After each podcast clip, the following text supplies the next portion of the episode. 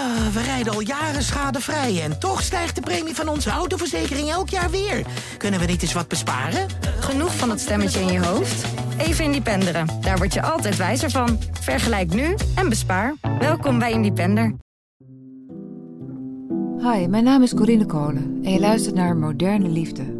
In de 18 jaar dat ik schrijf over de liefde, heb ik die enorm zien veranderen. Accenten verschoven, grenzen tussen vriendschap en liefde zijn minder scherp geworden. Ook de strikte verschillen wat betreft seksuele geaardheid en voorkeuren zijn aan het vervagen. In deze podcast interview ik telkens iemand over zijn of haar persoonlijke zoektocht naar liefde en vriendschap. Dit is Moderne Liefde.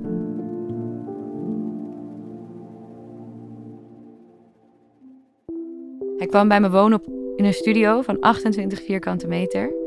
Waar de wc en de douche een heel klein hokje waren. Geen wastafel, geen muren, geen deuren. En hij kwam van een boerderij van 6000 hectare. Waar je een half uur kunt rijden en nog steeds op je eigen landgoed bent. En hij kwam op drie hoog achter ergens in Amsterdam wonen. Zonder werk. Met een meisje die je niet kent. Carlotta, jij gaat vertellen over een eh, leuke Australiër die je hebt ontmoet. Ja, Wanneer was dat? dat was in februari 2020. Ik was op reis in mijn eentje. Ehm, ik had een ticket geboekt naar Mexico en eh, ik zou wel zien waar het schip strandde. En na een weekje eh, reizen, ik was samen met een collega de eerste paar dagen, waren we ehm, op een eiland ten noor- in het noorden van Cancún. En die vriend van me die wilde verder. En ik vond het zo fijn op dat eiland dat ik zei, ik ga niet mee, ik ga hier blijven. En die middag zou ik met iemand die ik daar had ontmoet gaan eten. Maar ik zat aan een bar en ik zag een jongen staan. En het eerste wat er door mijn hoofd schoot was dat ik elke dag wakker zou kunnen worden naast deze jongen. Ik, eh, ik heb nog nooit bij iemand gedacht, ik wil naast jou elke dag wakker worden. Helemaal niet het eerste moment dat ik iemand ontmoet.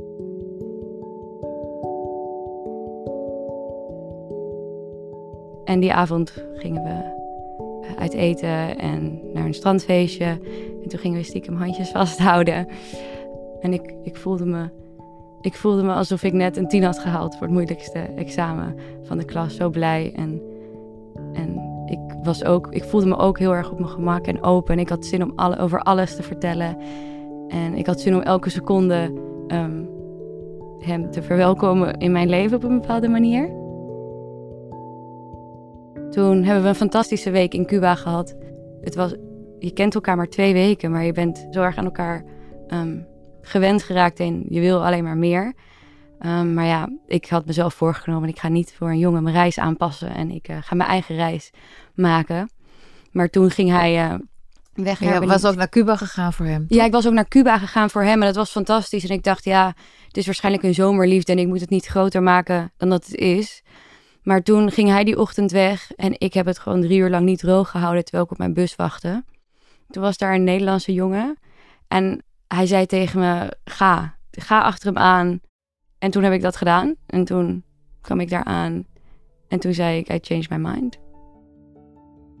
Het eerste wat hij deed was zijn moeder bellen om dat te vertellen, want hij had hij blijkbaar uh, daarvoor al over verteld.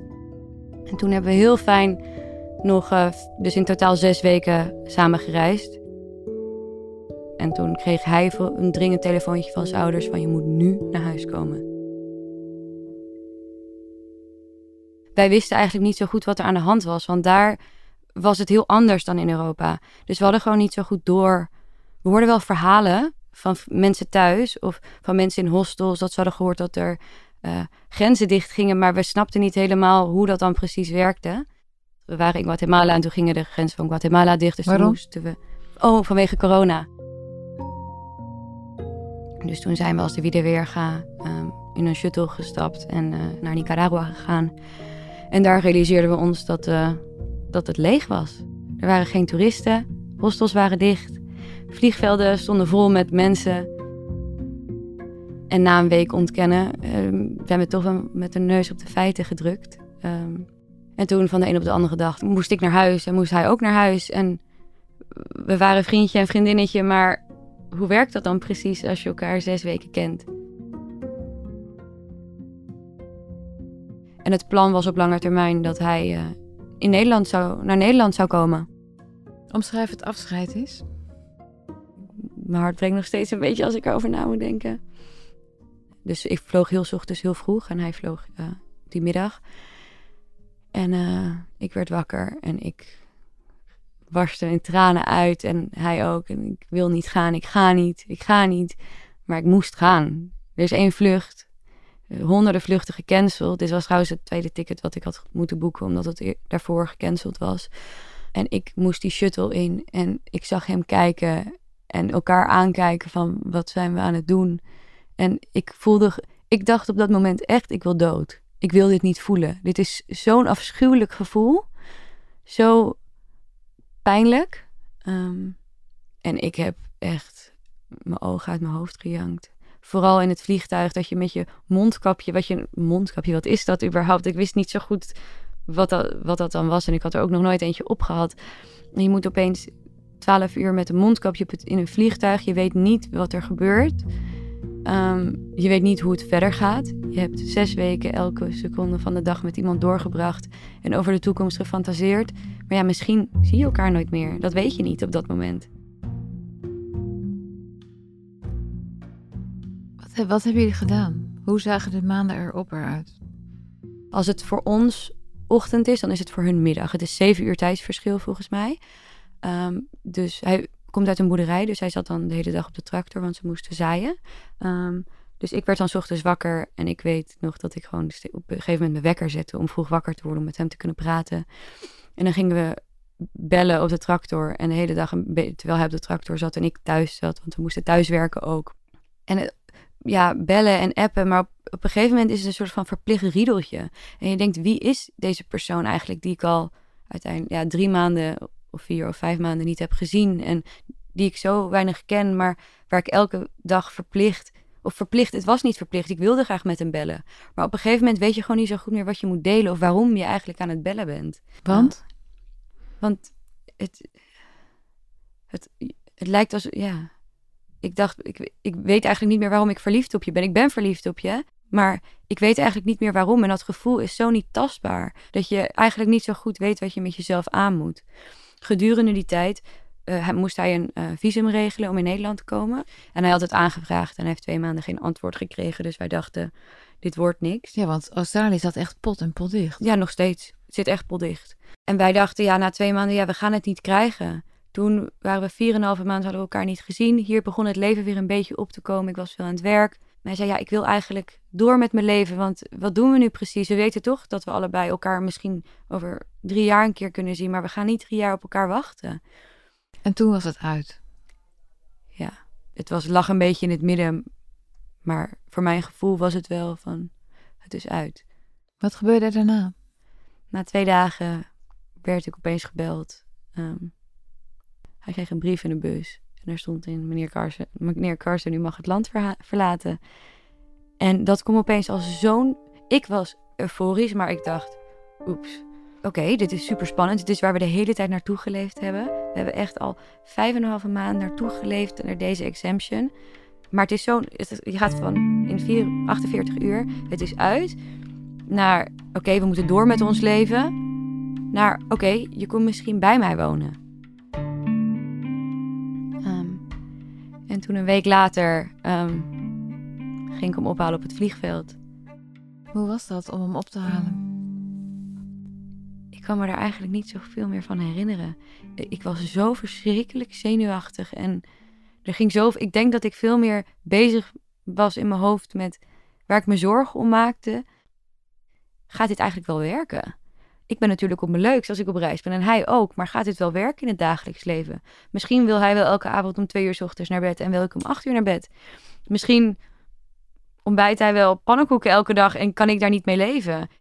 En ik weet nog dat we gewoon niet zo goed wisten waar we het over moesten hebben. Zo, oké, hoe was je vlucht? Oké, ja, ik heb koffie voor je gehaald.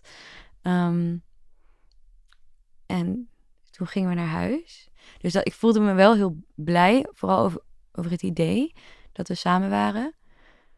Maar ik weet nog dat we seks gingen hebben. En dan is het seks hebben eigenlijk om het seks hebben. Want, of ja, omdat je elkaar vijf maanden niet hebt gezien. Dus het is heel voor de hand liggend dat je dat dan gaat doen. Maar dat al, eh, de connectie die ik met hem had gevoeld alle andere keren toen we op reis waren. En de keer dat we toen seks hadden, toen we elkaar weer zagen, dacht ik eigenlijk van, oh, eh, ik voel helemaal niet wat ik toen voelde. Ik, we kennen elkaar helemaal niet meer. Ik weet niet zo goed wat ik met mijn handen moet doen. Of ik voel me eigenlijk helemaal niet zo op mijn gemak. Het was ook heel ongemakkelijk.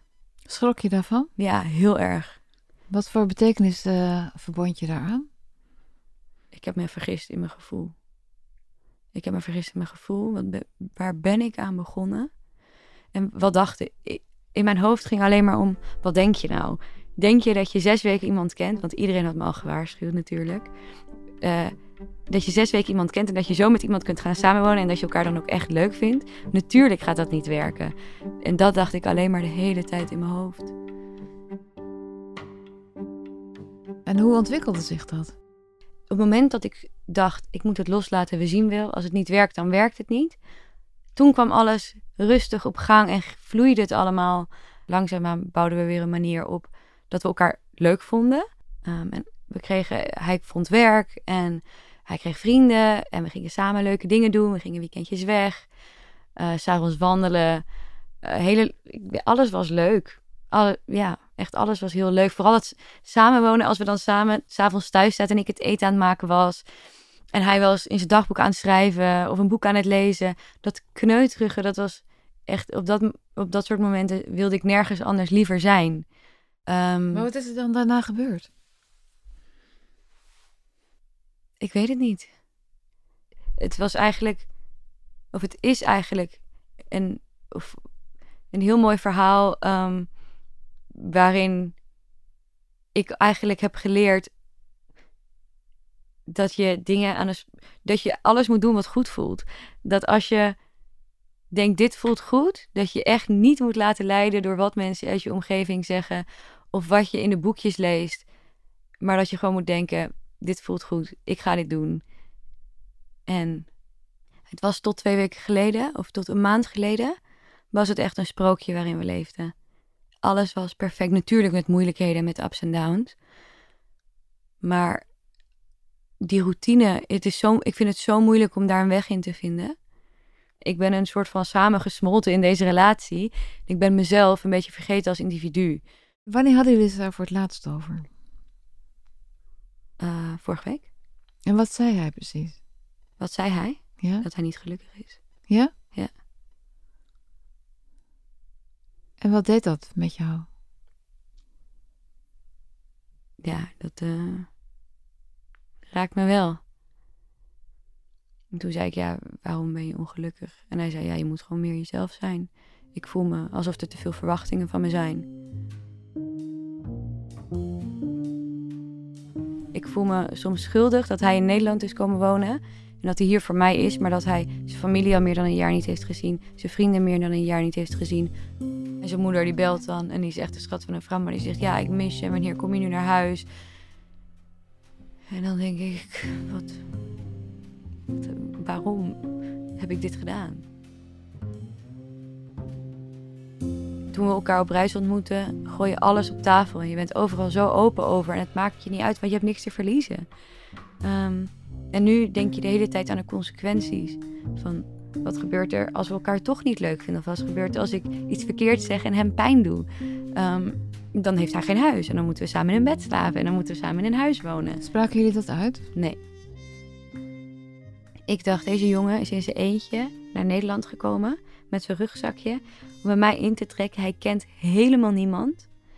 Ik dacht, ik laat alles uit mijn handen vallen. Ik laat al mijn gewoontes, al mijn manieren, al mijn trekjes, ehm, laat ik achterwege. Want ik moet hem ruimte geven of ik moet mezelf vormen om hoe hij is. Om hem uh, zo op zijn gemak mogelijk te laten voelen.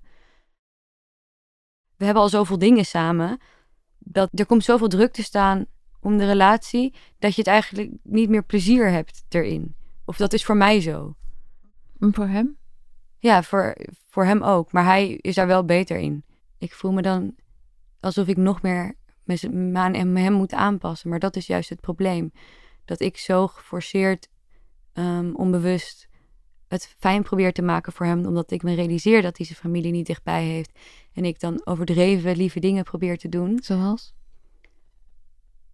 Een, een drie sterren, of niet drie sterren, drie gangen maaltijd te koken voordat hij net thuis komt. En dat dan drie keer in de week. En ehm, gewoon de hele tijd, ik koop voor mezelf niet zoveel, maar ik koop altijd voor hem heel veel. En ik doe heel veel en ik laat heel veel dingen staan voor hem. Wat dan? Sociaal.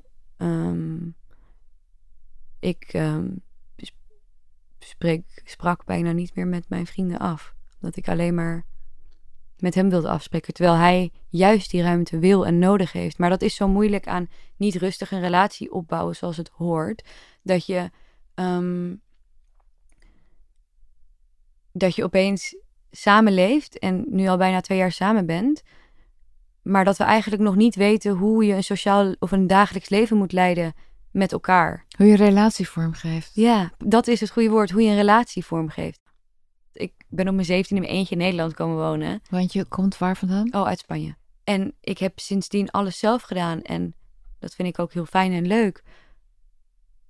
Maar ik ben dat gewoon kwijtgeraakt door de omstandigheden. En doordat ik zo uit mijn normale leven ben getrokken. Door de omstandigheden en onze Je relatie. bedoelt de omstandigheden, bedoel je nu corona? Ja, corona. Mijn werk viel weg. ehm, en het sociale leven wat ik daarbij had. Heel veel dingen buiten de deur doen. Waarschijnlijk had je het toch wel gehad. Want bedoel, je bent vanaf je zeventiende gewend om, om in je eentje eh, je boontjes te doppen. Ja. Dus je bent waarschijnlijk ook heel zelfstandig. En had je sowieso al moeite gehad met. Maar nu is het extra veel moeite. Omdat je die door die coronatijd. En eerst in een hele artificiële situatie terecht kwam. Omdat je met z'n tweeën op die 28 vierkante meter Ja. zat dag en nacht. En vervolgens weer in die wereld werd gesmeten. Zodat je weer opnieuw een vorm moest vinden. Is dat het een beetje? Ja, ja dat is het.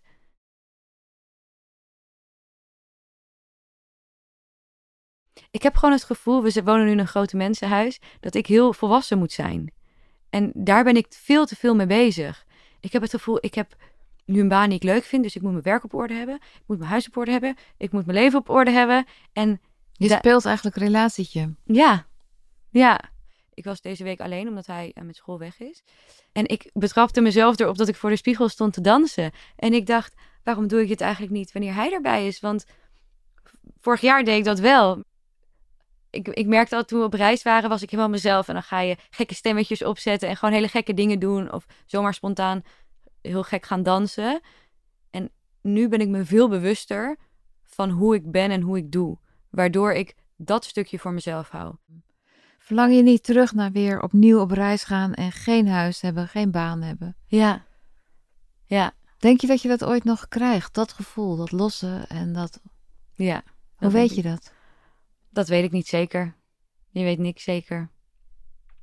Dit was, dit was een heel ander verhaal geweest als ik dit een maand geleden had verteld. Want toen was er nog een happy end, bedoel je?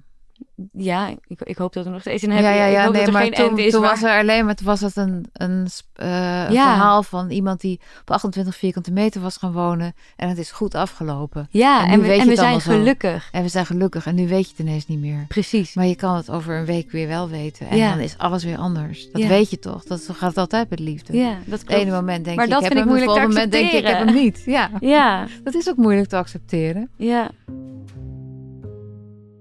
Heb je er spijt van, van deze actie? Nee, helemaal niet. Helemaal niet. Ik ben. Ik, ehm,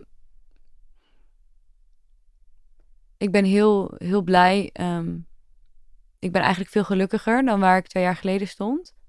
In mijn dagelijks leven. Maar ehm, ik wou soms wel dat, maar dat was gewoon een onmogelijke situatie geweest.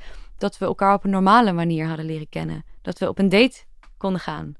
Dat we uit eten konden. Ehm, dat ik aan zijn ouders voorgesteld werd. Gewoon stapje voor stapje. Dat mis ik soms. Want nu zijn jullie eigenlijk een soort van 25 jaar getrouwd in een jaar tijd. Ja. Ja, en wat heel fijn is, want het is wel... We hebben wel een hele stabiele relatie. Als in, we voelen ons wel heel erg thuis. Ook al, het is natuurlijk best wel tegenstrijdig met wat ik daarvoor zei. Dat ik niet mijn gekke dingetjes doe de afgelopen tijd eh, als we samen zijn. Maar het is wel iemand die altijd achter je staat. Ik weet, weet gewoon Is er een weg moet. terug? Kan je weer opnieuw beginnen? Ja. Ja? Ja, we gaan ook allebei... ehm, we hebben afgesproken dat we allebei met iemand gaan praten. Ehm, Wat psycholoog? ja, ja, met de psycholoog allebei. Ehm, omdat hij natuurlijk ook over zijn problemen moet kunnen praten met mij, met iemand. En die mensen heeft hij niet in zijn omgeving. Hoe denk je dat dit gaat, eh, zich verder gaat ontwikkelen de komende jaar? Ik denk dat dit nog... Ik denk dat dit iets is wat niet 1, 2, 3 opgelost wordt. Maar ik denk... Ja, ik heb, er, ik heb er dus de afgelopen week best wel veel over nagedacht. En eerst kreeg ik echt geen adem al- als ik eraan dacht van... Oh, dit kan ook slecht eindigen. Maar daarna dacht ik, ja, stel, stel het eindigt... Dat hoeft niet per se slecht te zijn, maar stel we kunnen elkaar niet gelukkig maken... Dan is dat ook oké. Want ik kan mezelf... Ik weet dat ik mezelf gelukkig kan maken. Al voelt dat nu even niet zo. Ehm, of voelde dat toen even niet zo. Ik weet dat ik mezelf gelukkig kan maken. Dus ik hoop natuurlijk ehm, dat dit een rough patch is. Dat dit een. eh, hoe noem je dat? Een rough. Ja, even een eh, ruwe... Een hobbel, dat Een is hobbel. het woord. Ja. Ik hoop dat dit een hobbel is. Ehm, maar ehm, ik zal het ook gewoon accepteren als, het, als dit een conclusie is. Ehm, maar ik denk eigenlijk, ik denk dat het een hobbel is. Zou je je het weer opnieuw doen? Zou je hem weer opnieuw laten eh, komen? Ja,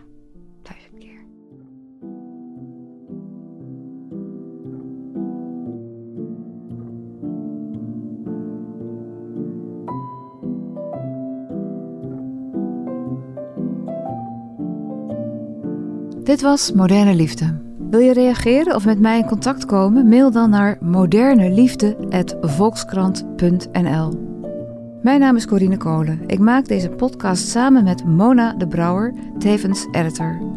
Eindredactie en coördinatie is van Corinne van Duin en de begin- en eindmuziek is gemaakt door Juliaan de Groot.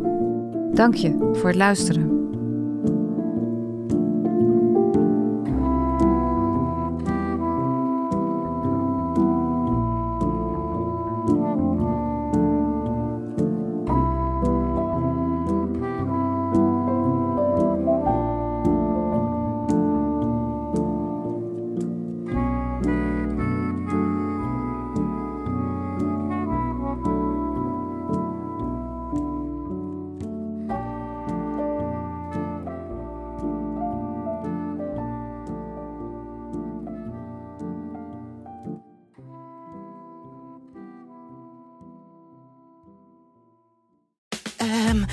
Onze autoverzekering straks nog wel bij de nieuwe auto die we gaan kopen?